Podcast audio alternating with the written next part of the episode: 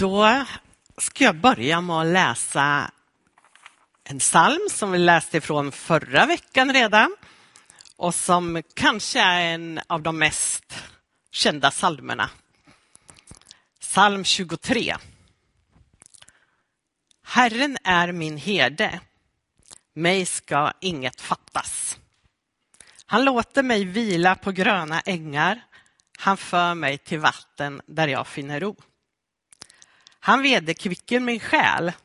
Han leder mig på rätta vägar för sitt namns skull. Om jag än vandrar i dödsskuggans dal fruktar jag inget ont, ty du är med mig. Din käpp och stav, de tröstar mig. Du dukar för mig ett bord i mina ovänners åsyn. Du smörjer mitt huvud med olja och låter min bägare flöda över. Idel godhet och nåd ska följa mig i alla mina livsdagar och jag ska bo i Herrens hus evinnerligen. Jag tror att för de flesta av er så kändes det där väldigt välkänt. Och den här salmen skrevs för ungefär 3000 år sedan. Och den har tröstat oändligt många människor under den tiden. Men ibland när man är i svåra tider eller det stormar omkring en så kan det ändå vara svårt att veta, även om jag då söker mig till bibelord och, och ser vad står det här för? Hur ska jag tolka det här? Var det bara Davids känslor? För David heter ju han som skrev den här salmen. Han var herde, blev sen kung och var en väldigt omtyckt kung i Israel. Han får ett omdöme av Gud att han var en man efter Guds hjärta. Ja, är det här hans känslor eller vad är det då? Och hur gör jag när jag ska våga lita på ett bibelord? Och jag tänkte att vi skulle titta på den här salmen lite grann och se vad den säger egentligen. Och så ska vi också gå till Nya testamentet till en del Jesusord och spegla den här salmen i vad Jesus sa om det här. Så egentligen kan man säga att den här predikan handlar om tro och tillit. För det första så tänker jag att den första frasen där, Herren är min herde, mig ska inget fattas, att det är som en rubrik över hela salmen. Att Herren är min herde gör att den här salmen ofta har kallats för herdesalmen. Och jag kan ju inte skryta med att jag har särskilt mycket erfarenhet av får. Men jag har en liten, liten erfarenhet. När jag var 15 år så jobbade jag, jag sommarjobbade den sommaren mellan åttan och nian på en bondgård i åtta veckor. Det är nog ungefär där som min erfarenhet sträcker sig. Eh, de hade bland annat får på den här bondgården. Och det jag märkte under den här tiden var att får inte var så lätta att handskas med. De var ganska bångstyriga och svårfostrade. Varje dag nästan passerade jag deras hage när jag tog med mig barnen ner till sjön och skulle bada. Jag försökte kalla på dem och locka på dem, men de kom inte. För de kände inte mig. De, det blev nästan motsatt effekt när jag ropade på dem. De, de försvann iväg. Det var möjligtvis två små får som kom, eller lamm var de, fast de hade blivit ganska stora vid det här laget. Det var mitt på sommaren. Och det berodde på att de här två lammen hade fötts upp på flaska. De hade under våren fått faktiskt till och med komma in i köket och där hade man gett dem nattflaska och så hade de blivit väldigt tama de där två lammen. Det gjorde att så fort de fick möjlighet så smet de ifrån den stora eh, jorden in i trädgården och var då bakdörren in i köket öppen då smet de gärna in där, så länge inte hunden fanns där, för han såg till att jaga ut dem. Så kom de och buffade lite på en och så ville de ha någonting. Och det var inte så lätt jämt för mig att fösa ut de här stora fåren ur det stora bondköket, utan ibland fick jag faktiskt ropa på hunden för att få hjälp. Ja, det är ungefär den erfarenheten jag har av får. Men tittar vi på den här salmen så kommer vi ändå att lära oss en hel del om det. Och vi kan också se i Nya testamentet hur Jesus säger att han är den gode herden som ger sitt liv för fåren. Att Herren är min herde är ju en bekännelse om vem jag vill hålla mig till. Jag vill att Herren ska få vara den som leder mig, som tar ansvar för mitt liv. Och då tror jag att inget kommer fattas mig. Alltså det var den bekännelsen som David hade när han skrev det här och som vi kan få kliva in i. Herren är min herde, mig ska inget fattas. Han låter mig vila på gröna ängar. Kan du se de här ängarna framför dig? Hur man får ligga där och, och vila liksom. Jag har tänkt på att det står inte han låter mig beta på gröna ängar. Jag tror att det i någon översättning står han för mig i vall. Men jag tycker om den här, han låter mig vila på gröna ängar.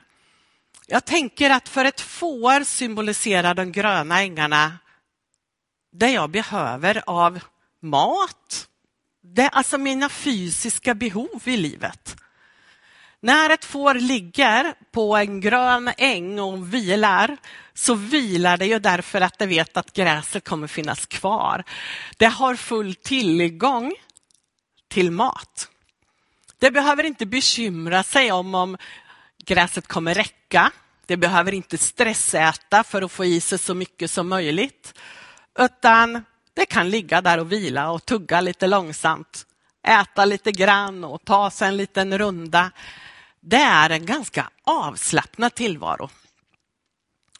Och tittar vi då på är det verkligen så vi kan tänka om det här? Alltså har Gud verkligen tänkt att vi ska ha den avslappnade tillvaron? Ja, det är ju faktiskt så att det står inte här att han matar fåren, men han för dem till maten. Och ser vi i Matteus kapitel 6, i bergspredikan där, så säger Jesus, titta på fåglarna, hur de gör. Titta på liljorna som växer här på marken, vad de gör. De sår inte, de skördar inte, men min fader han förser dem så att de har det de behöver. Så jag tänker att Jesus bekräftar det här och han slutar det själva avsnittet med att säga så sök först Guds rike och hans rättfärdighet så ska du få allt det andra också. Vi har en herde som sörjer för oss tänker att det kan vara ganska skönt att veta i orostider när jag inte vet om jag får behålla mitt jobb, jag inte vet hur det kommer gå för mitt företag. Så är det skönt att veta att om jag vilar i Guds händer så kommer han också att sörja för mina behov. Det fortsätter med att han för mig till vatten där jag finner ro. Jag tänker att vattnet är något väldigt livsviktigt. Utan vatten klarar jag mig några dagar, men sen är det kört. Så vattnet står för någonting som jag verkligen behöver. Det är också rogivande. Vem har inte suttit och tittat ut över en sjö eller hav och bara känt att wow, nu får jag vila. Samtidigt som man kanske har tittat ut i en storm och känt att oj, vad jag är liten inför det här. I Bibeln kan vi se att ja, Jesus liknar vatten, eller den heliga ande vid vattnet. Att vattnet får vara en bild på den heliga ande.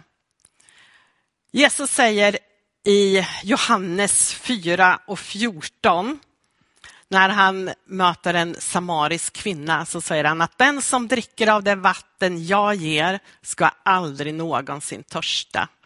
Utan det ska bli en källa inom dig som flyter fram. Och senare i kapitel 7 så står det att eh, Jesus säger att den som tror på mig, ur hans innersta ska strömmar av levande vatten flyta fram. Detta sa han om anden som de som trodde på honom skulle få. Jag tänker att Jesus ser till våra fysiska behov, men han ser också till våra andliga behov. Alltså han, han ser att inne i vårt innersta så har vi en längtan efter någonting som ibland driver oss åt alla olika håll. Men att när vi kommer till honom själv genom den heliga ande, då får vi ro. Då kan vi likna det, det vid den där känslan när jag tittar ut över en stilla sjö där solen glittrar i vattnet och jag känner att Hå, här kan jag slappna av. Att det är lite av den känslan när du kommer hem till Gud. Att här kan jag slappna av. Min ande, står det, får liv när jag tar emot Jesus som min frälsare och Herre. Och så flyttar Guds heliga ande in i mig och så är det en gemenskap i mig, mellan Gud och mig. Ja, den helige ande vill liksom ge oss det här livet. Och jag tror att i sådana här tider så vill Gud föra oss till de där platserna där vi kan få återupptäcka den källan vi har inom oss i tron på honom. Det är lätt i vår stressade värld att vi far omkring och så glömmer vi var vi egentligen har vår trygghet, var vi egentligen har vår, vårt liksom livgivande. Och kanske att du har mer tid under de här speciella dagarna som är nu. Ta vara på den tiden och sök dig till Herren som vill vara din herde, som vill föra nytt liv in i ditt andliga liv. Eller så är du jättestressad och det är väldigt mycket, väldigt mycket nytt och du känner att åh, vart tar jag vägen med allt det här? Glöm inte att stanna upp ett par minuter allt emellanåt. Och på något vis bara gå tillbaka till han som kan ge dig liv, han som kan ge dig ro mitt i en svår situation. Fortsätter vi så kommer vi till en vers som är Han vederkvicker min själ. Det här är ett gammalt ord, vederkvicker på något vis. Det översätts i en del eh, översättningar står det Han ger nytt liv åt min själ. Någon annan står det Han ger kraft. Men jag tycker om det där ordet vederkvicker. Jag vet inte varför jag, jag tycker om att liksom smaka på det. Det är som att eh, jag liksom kvicknar till. Att jag liksom, ja, det, det liksom blir liv igen och jag, jag oh, nu, är jag, nu är jag på banan igen. Eh, jag tänker att det står för det. Och då tänker jag att om Gud ser till våra fysiska behov, han ser till våra andliga behov, så ser han också till våra själsliga behov. Han vet när jag blir trött, han vet när jag blir nedstämd. Och ibland så tror vi att Gud inte bryr sig om våra känslor och våra, det här vardagliga och hur jag mår på det sättet. Men det gör han. Han, han liksom tar in hela dig. Och han vill finnas till där. Han vederkvicker min själ. Han ger nytt liv åt min själ. Känner du dig sliten och trött? Så finns det en som bara väntar på att liksom få ge en injektion av sitt nya liv in i dig. Han vill uppmuntra dig. Jag tänker på en vers ifrån Johannes kapitel 14 och vers 27. Där står det så här. Låt inte era hjärtan oroas och tappa inte modet. Det här säger Jesus till lärjungarna strax innan han ska dö. Och det är klart, det var en jättesvår situation. Han visste att de skulle bli förvirrade, men han vill påminna dem om att oroa er inte. Låt inte alla de här sakerna runt omkring som kan få dig att liksom glömma blicken på honom. Låt inte det ta över. Tappa inte modet. Han vill ge dig nytt mod. Han vill komma in i din situation, kanske av ensamhet, kanske av uppgivenhet, av hopplöshet och så vill han ge dig nytt mod när du fäster din blick på honom och låter honom få kliva in i ditt liv.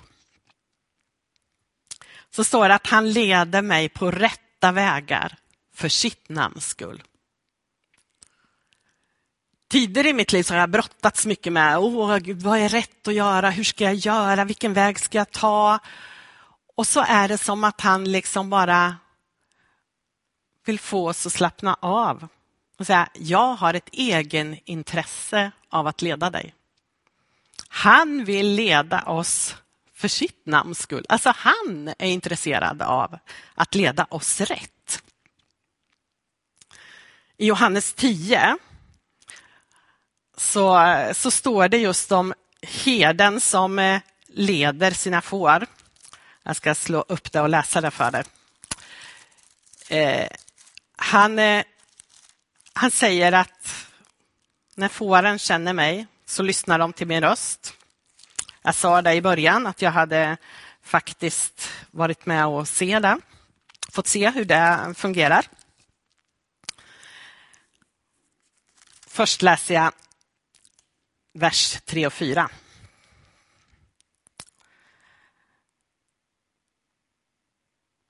Jag börjar vers 2.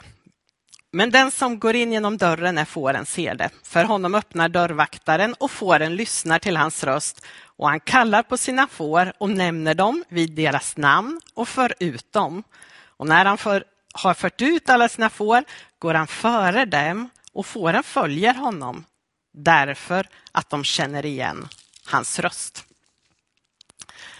Och vers 28 och 29 så står det mina få lyssnar till min röst och jag känner dem och de följer mig. Jag ger dem evigt liv och de ska aldrig någonsin gå förlorade och ingen ska rycka dem ur min hand. Vad min fader har gett mig är större än allt och ingen kan rycka dem ur min faders hand. Han har ett intresse av att leda dig rätt. Han vill att du ska ha det gott i livet, men inte bara ha det gott utan att du också ska få vara till välsignelse, att du ska få gå på hans vägar. Och du kan vila i att han kommer visa dig sin väg. När vi nu går in i nästa fras, eller nästa mening, så byter David sätt att skriva. Här har han berättat om sitt förhållande till Gud nu börjar han att rikta sig direkt till Gud. Och så säger han, om jag än vandrar i dödsskuggans dal fruktar jag inget ont, för du är med mig. Din käpp och stav, de tröstar mig. Vi hamnar ibland, och just nu ganska mycket, där vi ser döden liksom som ett hotar oss.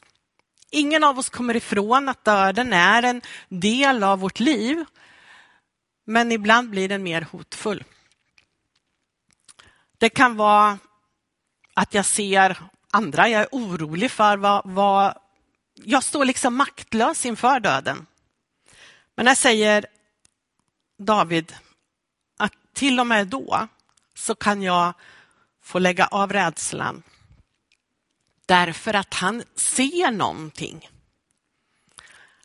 Jag fruktar inte ont, säger han, för att din käpp och stav tröstar mig. Käppen hade herden till att slå undan fiender. När eh, vargar eller björnar eller lejon, jag vet inte vad det var som hotade, så berättar David om att han har faktiskt försvarat fåren mot allt det där. Han visste vad käppen kunde betyda för en herde. Och när han ser upp till Gud som sin herde så ser han att han har makt, han har redskap att faktiskt skydda mig. Jag kan vara lugn därför att han finns där med mig, också i dödsskuggans dal. Till och med döden har han besegrat så att den längre inte kan vara så hotfull som den egentligen är. Om jag tror att döden är slutet på allting så är det klart så finns det inget mer. Men om jag tror att Jesus seger på Golgata faktiskt övervann döden och att det är så att döden bara är en, en öppning in i någonting som är ännu mer verkligt än det här livet så blir inte döden på ett vis mindre sorglig men den blir mindre smärtsam.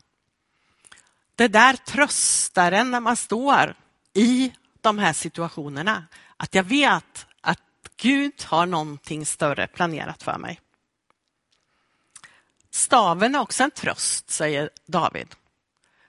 Och jag tänker då att staven stöttade sig herden på när han gick liksom så kunde fåren höra den där staven. Jaha, nu är det dags att gå iväg. Nu hör vi hur det liksom kluckar till där i, i marken när herden ger sig iväg och så kunde man hålla koll lite grann.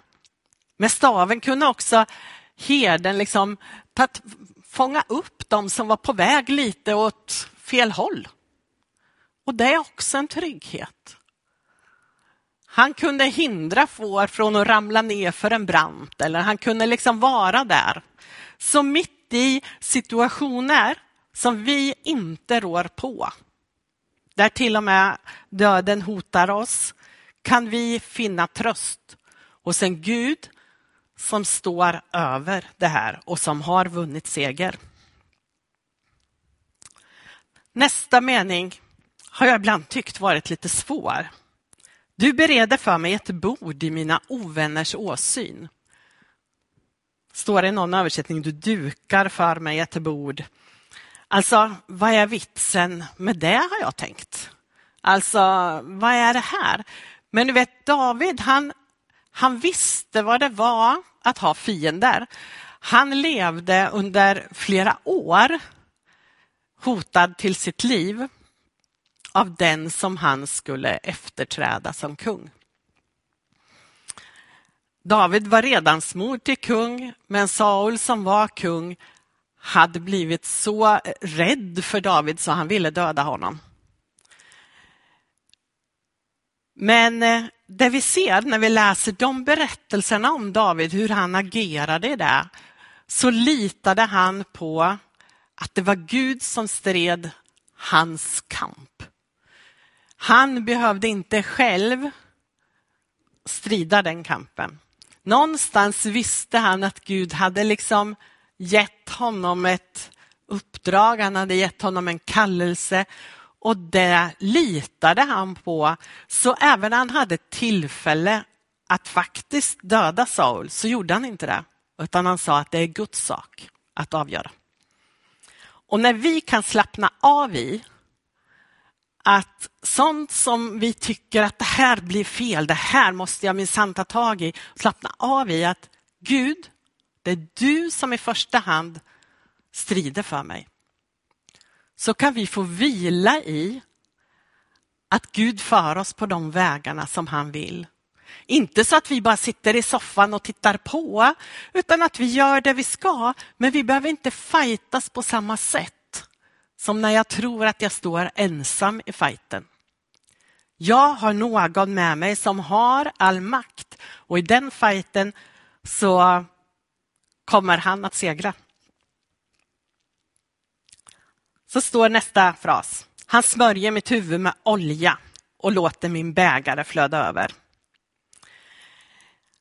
Att få sitt huvud smort. När någon hällde olja på huvudet, då, då var det faktiskt så att man blev avskild till en särskild uppgift. När David blev smord till kung så visste de som hade sett det att det är han som kommer bli kung. Men också när du blev hembjuden till någon som ville hedra dig så kunde de smörja ditt huvud med olja och så visste du att nu står jag under den här människans beskydd. Nu är jag i den här människans hem och här är jag välkommen, här är jag vän och de resurser som finns här, de finns för mig.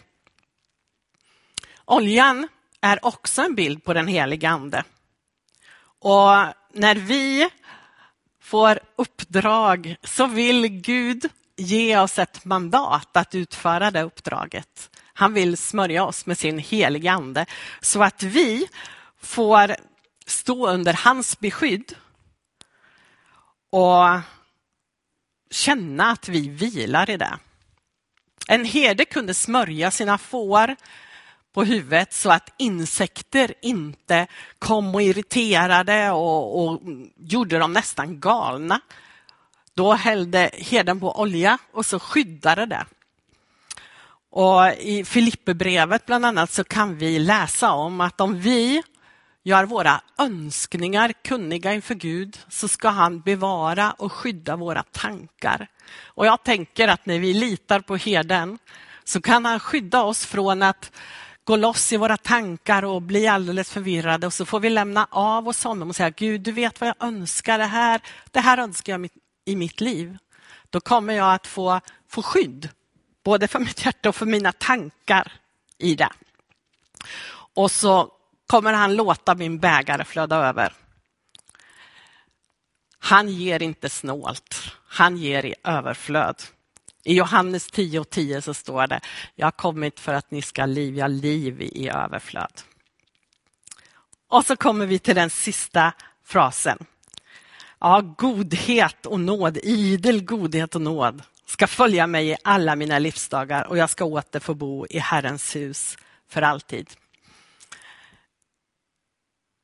Att få följas av godhet och nåd. Ibland behöver vi påminna oss om att Gud följer oss med godhet. Han följer oss med sin nåd. Alltså han kommer inte efter med pekpinnar och talar om vad du har gjort för fel, utan han, han vill överskölja dig av sin nåd. Det är den guden du kan sätta din förtröstan till. Och då vet du att det finns någonting att återvända till. Om du går på villovägar lite grann så kan du åter få komma till Herrens hus. Jag tänker också att jag kan ta det här som ett löfte i de här tiderna när vi ser att vi inte kan samlas i vår kyrka. Tänk att vi kan åter få bo i Herrens hus. Jag ser det som ett löfte, som ett litet hopp inför att den här tiden varar inte för alltid. Snart ska vi få mötas igen. Men också en gång i himlen ska vi få prisa honom tillsammans. Nu ska jag avsluta med att läsa en vers ifrån Filipperbrevet. 4 och 19. Så ska min Gud efter sin rikedom på ett härligt sätt i Kristus Jesus ge er allt vad ni behöver. Vågar du sätta din tillit till honom? Kanske för första gången eller för hundrade gången. Nya situationer i våra liv blir nya utmaningar för oss och då kan vi på nytt och på nytt få överlämna oss till Herren som vill vara vår herde. Herren som vill vara den som försörjer oss, den som ser att vi håller modet uppe, den som, som går bredvid oss och leder oss. Du är välkommen att ge ditt liv på nytt till Herren, att eh, räkna med honom i din vardag. Ring gärna och samtala med någon i vår samtalsjour och så kan ni få be tillsammans för de situationer du står i idag. Nu ber vi. Tack Jesus för att du vill vara vår herde. Tack för att du är den gode herden som följer oss där vi går. Nu ber jag om din välsignelse över alla som eh, lyssnar till det här och Jesus, jag ber att du ska kliva in i varje särskild situation, att du ska uppmuntra, att du ska leda och att du ska hjälpa. Tack för att det är dig vi får sätta vår tillit till. Amen.